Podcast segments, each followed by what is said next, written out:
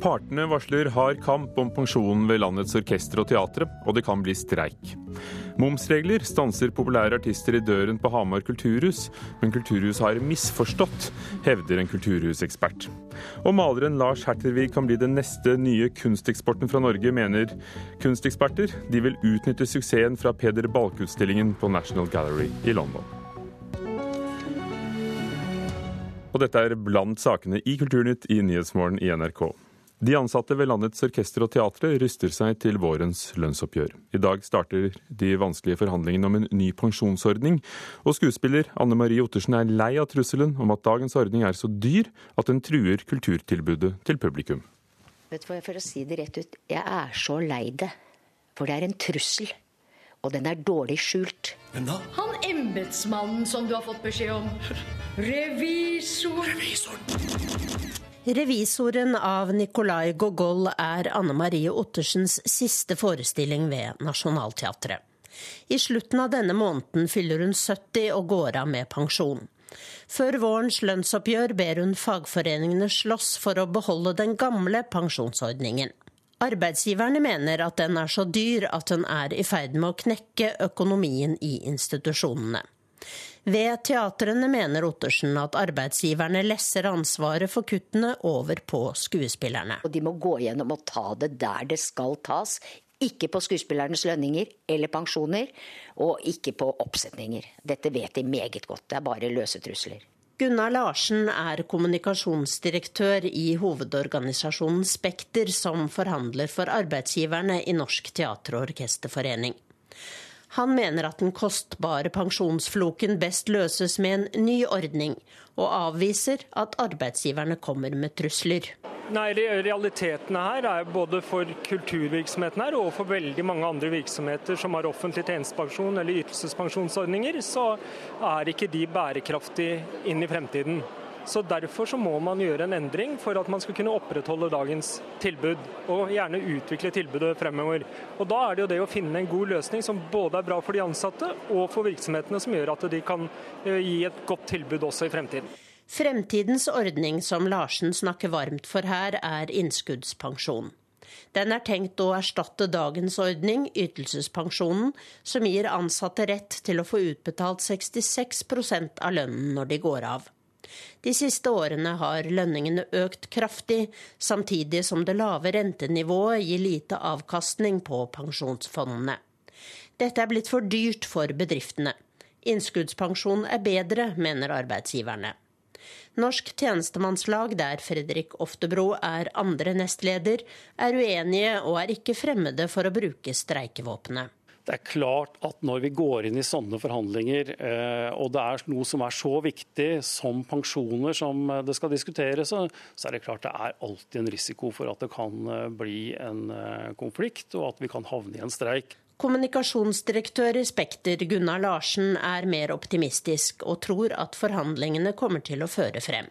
Vi har all vi har grunn til å tro at vi kommer til å få gode, konstruktive forhandlinger hvor vi finner fram til en løsning som er best for både de ansatte og som er bærekraftig for virksomhetene. Partene er enige om at det er mye som står på spill i dette lønnsoppgjøret. Men Oftebro i Norsk tjenestemannslag vil gjerne plassere ansvaret der det hører hjemme. Det må ikke være noe tvil om at det er politikerne som finansierer kulturinstitusjonene. Så Det er altså de som sitter med nøkkelen til hva slags vilkår og hvilke ressurser kulturinstitusjonene skal ha. Sa Fredrik Oftebro i Norsk tjenestemannslag. Reportere var Tone Staude og Torkil Thorsvik. Forsker i Fafo og en kløpper på pensjonsspørsmål, Jon Hippe. Hvorfor er pensjonsspørsmålet så betent? Ja, dette er jo øh, folk som har en tariffavtale om en offentlig ytelsespensjon, som vi hørte her. Og de forhandlet jo i fjor og ble ikke enige. Så når de nå forhandler, så er det jo fordi man har flyttet det til i år og har streikerett på dette i, forhold til protokollen fra i fjor. Slik at dette kan øh, og er komplisert. Og de har som sagt en veldig god rettighet. 30 års opptjening, 66% av sluttlønna, all risiko på arbeidsgiver, en garanti.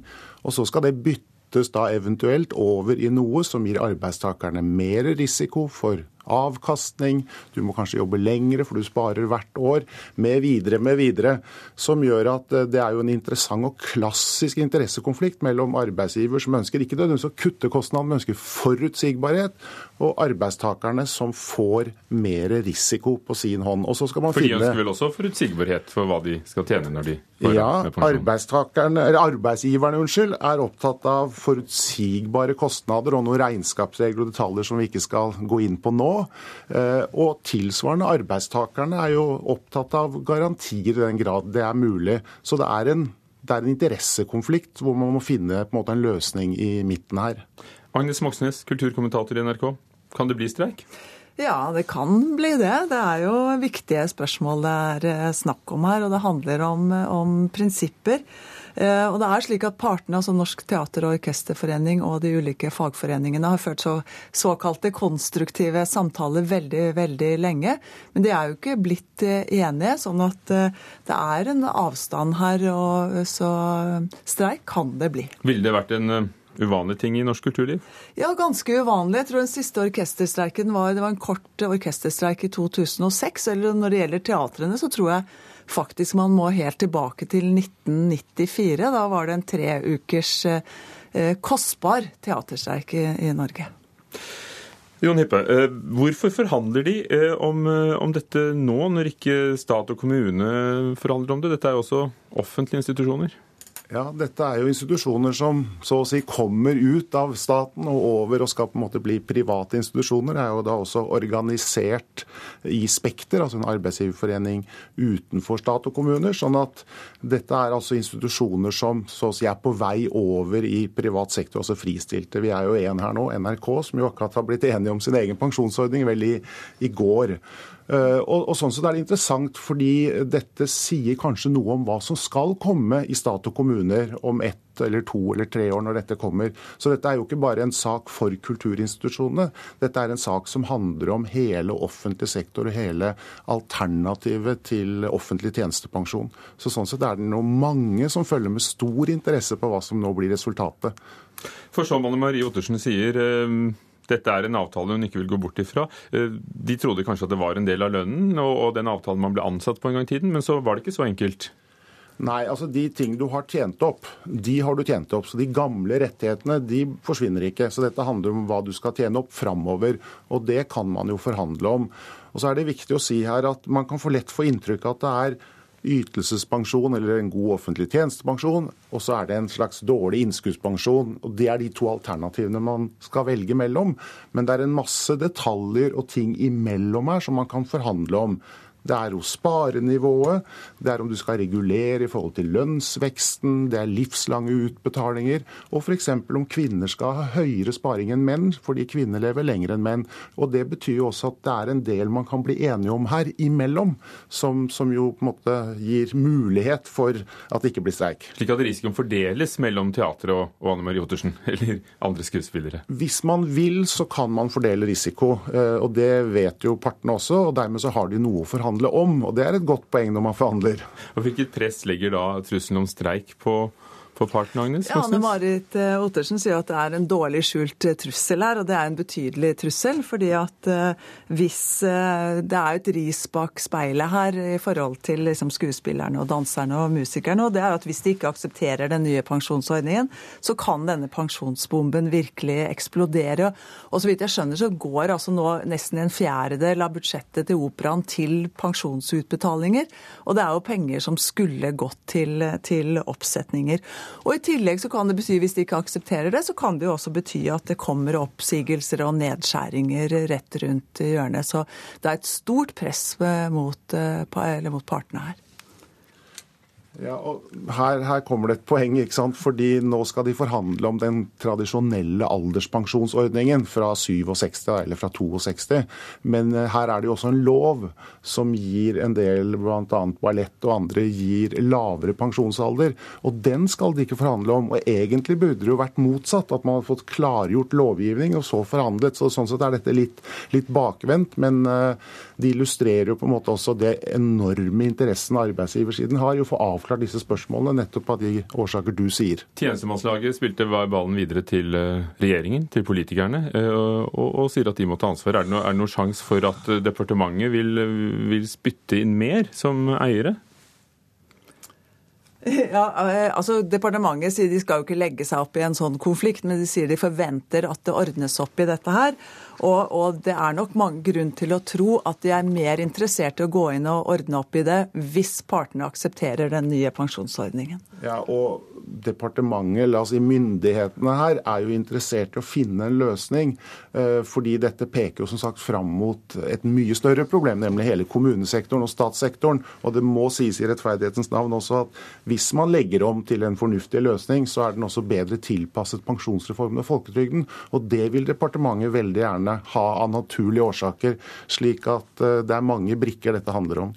Takk skal dere ha, Jon Hippe, forsker ved Fafo, og Agnes Moxnes, kulturkommentator i NRK. På 20 år har ingen klager over hemmelighold i statsapparatet ført frem.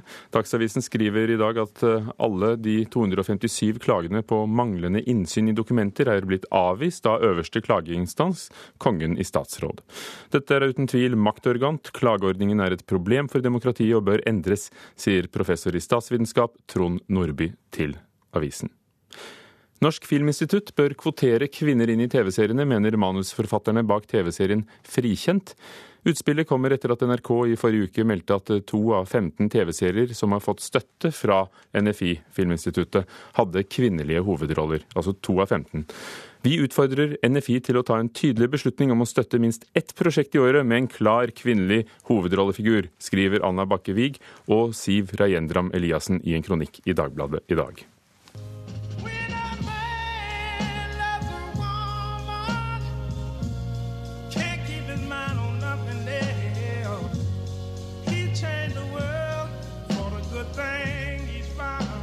Kongen av soul blir han kalt. Percy Sledge fra Alabama i USA.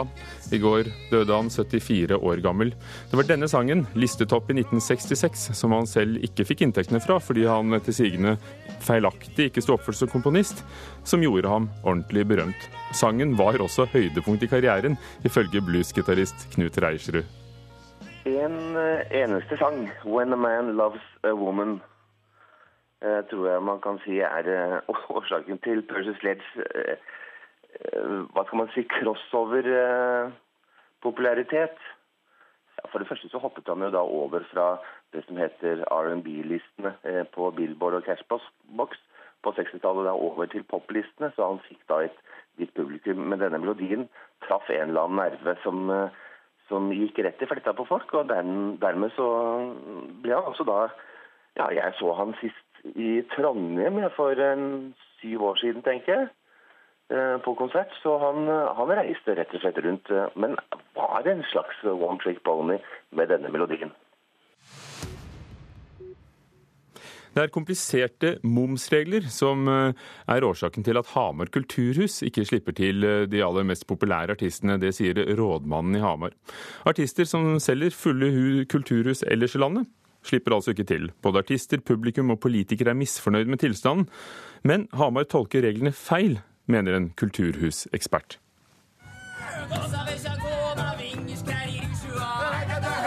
Øystein Sundes låter i teaterversjon dro fulle hus i Hamar kulturhus i fjor. Men sjøl har han ikke fått slippe til. Eller Ingrid Bjørnov. Det irriterer meg litt. Eller Halvdan Sivertsen. Jeg likte deg dårlig. Denne avvisende holdningen til populære norske artister kunne vært unngått. Ja, De har vært kanskje litt forsiktige og litt redd for et regelverk som er veldig vanskelig å forholde seg til. Sier Rune Håndlykken, som i mange år har drevet med kulturhusrådgivning. Heia Halvdan. Et blomstrende kulturliv er målet. Men juss og tall påvirker. Kort fortalt så ble kommunen fritatt for en del moms da de bygget Kulturhuset. Dette begrenser hvor mye de kan leie ut hovedsalen til markedspris, dvs. Si kommersiell utleie. Eh, hvis vi hadde leid ut den mer enn det regelverket tilsier, så ville kommunene fått en svær regning på tilbakebetaling av moms, slik som de opplevde på Konserthuset i Stavanger da. Sier rådmann i Hamar, Terje Halvorsen. De fleste kulturhus i Norge er bygget med denne begrensningen i en eller annen form, og i Stavanger endte det med at Finansdepartementet påla dem å tilbakebetale 50 millioner kroner. Den situasjonen har ikke jeg ønska at Hamar kommune skulle komme opp i. Ingen fare, svarer Håndlykken.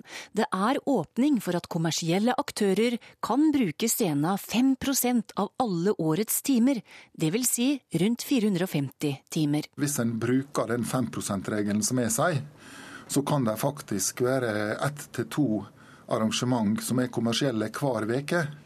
Og det er jo veldig mye mer av den type arrangement enn Haramar har hatt. Men det ser vi på nå. Hva slags begrensninger som, som vi har pålagt oss sjøl. Og så gjør vi nye vurderinger og setter en ny kurs. Oi, oi, oi. Nei, jeg har ikke ord. Folk i gata lurer fælt. Altså, er dette lurt? Litt dårlig reklame kanskje for Kulturhuset. Både avisenes lesebrevsider og sosiale medier renner over av misnøye. Og artistene er irritert. Det er ikke plass, og det er ikke plass i år. Og når det viste seg at det heller ikke var plass i 2016. Sa ei oppgitt Ingrid Bjørnov til NRK fredag. Jeg syns at det også skal være plass til sånne artister i Kulturhuset i Hamar. Så det må dette ende med? Ja, det vil det ende med. Jobben med å ta gløden for Kulturhuset tilbake til den høyden som da Ole Edvard Antonsen blåste åpningsfanfaren, begynner i dag. Det er formannskapsmøte, og politikerne krever svar. For Det er jo et rykte vi ikke kan ha hengende på oss. Altså hvis formannskapet ønsker en eller annen redegjørelse fra rådmannen, eller en kort redegjørelse om hva vi gjør og hvor vi står hen, så får de selvfølgelig det.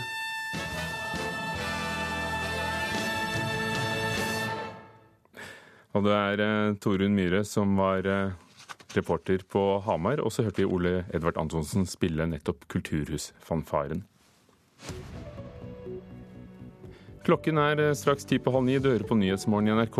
Flere antibiotikakurer fungerer ikke lenger. Klamydia er en av infeksjonene som må kureres med andre medisiner enn tidligere. Pål Enger tilsto på fjernsyn i går, men det er full forvirring om hva han tok på seg skylden for. Selv sier han at tilståelsen gjaldt et innbrudd, ikke et ran i en gullsmedbutikk.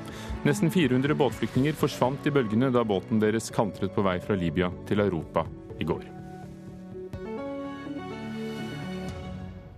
Det var eh, nyhetsoverskriftene i Nyhetsmorgen i dag, og her i Kulturnytt fortsetter vi med musikk. For for første gang tjener musikkindustrien i verden like mye penger på digital musikk som på salg av fysiske plater som CD eller vinyl.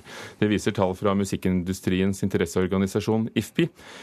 Reporter eh, Torkil Torsvik, verden kommer altså etter Norge.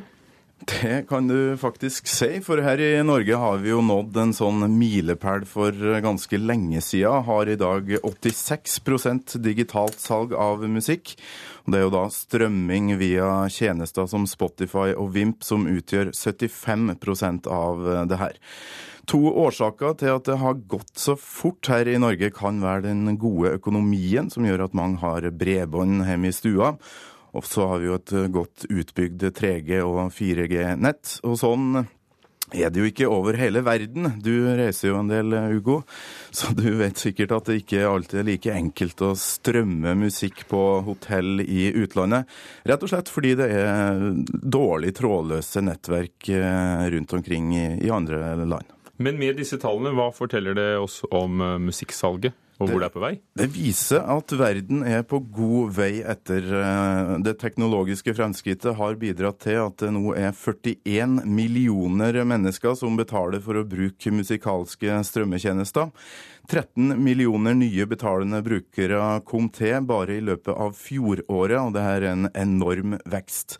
Strømming blir nok sett på som en slags redningsbøye for musikkindustrien som fortsetter å tape store penger. Ifølge Dagens Næringsliv så er inntektene halvert de siste 15 åra, hvis vi tar inflasjon med i beregninga.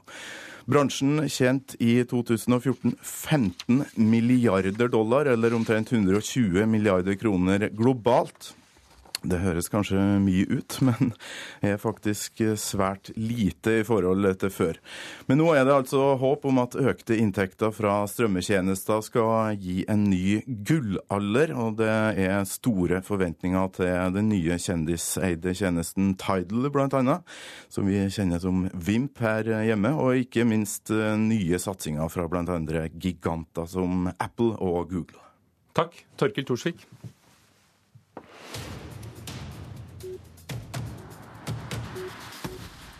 I går hørte vi her i Kulturnytt om eh, suksess ved National Gallery i London for Peder Balke-utstillingen, og nå tror flere kunsteksperter at eh, dette skaper en økt interesse for norsk kunst. Sparebankstiftelsen DNB sender Nikolai Astrup-malerier på utenlandsturné neste år, og 1800-tallskunstneren Lars Hertervik lanseres nå som den neste kunsteksporten, hvis vi kan kalle det det, fra et norsk museum.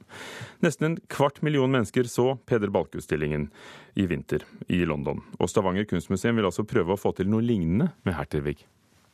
Det mest eh, berømte av Hertervig sine bilder er det som kalles gamle furutrær.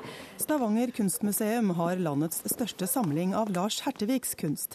En av de store romantikerne i norsk kunsthistorie.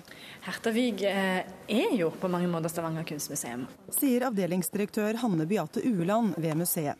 Nå ønsker hun at landskapsmaleriene fra 1800-tallet, særlig kjent for et nærmest overjordisk lys, skal bli kjent også utenfor Norge. Vi gjør det. Vi jobber med litt prosjekter eh, nå der vi har planer om å få Hertavig vist andre steder enn i Norge. Det er fantastisk inspirerende det som har skjedd eh, med Nordnorsk kunstmuseum og, og Peder Balke. Det er helt fantastisk å se de arbeidene her i London. Å Se det i disse rommene her med det lyset her og i den sammenhengen. Det er deilig. Det sa kunstner Anne Katrine Dolven til NRK på åpningen av utstillingen med den norske 1800-tallskunstneren Peder Balke i National Gallery i London i november.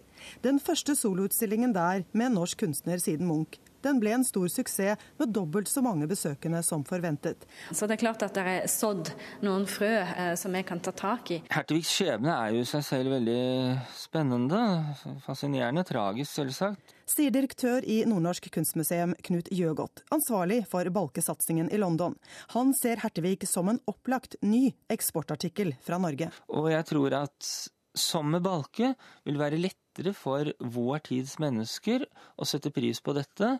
Fordi både Balkes og Herteviks kunst er kunst som bryter med sin egen tids normer.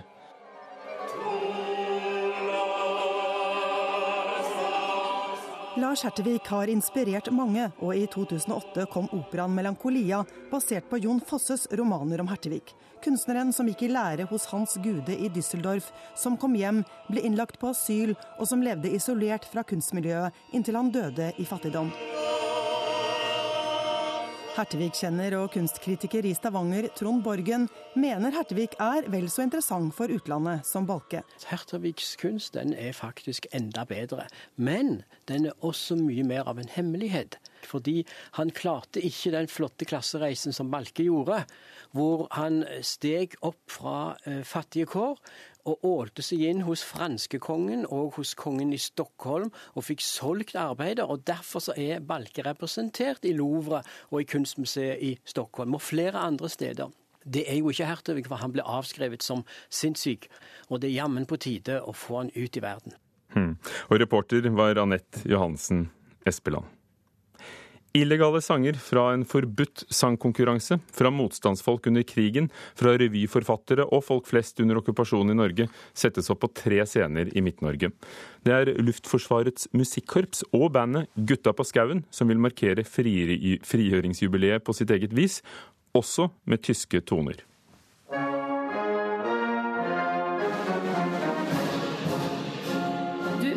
Spilte nå, det var Lilly Marlene-marsj. Den har en litt spesiell bakgrunn. For denne her er nemlig fra det tyske militærkorpset sine arkiver. Det tyske militærkorpset som var stasjonert i Åsenfjorden sammen med slagskipet Tirpitz.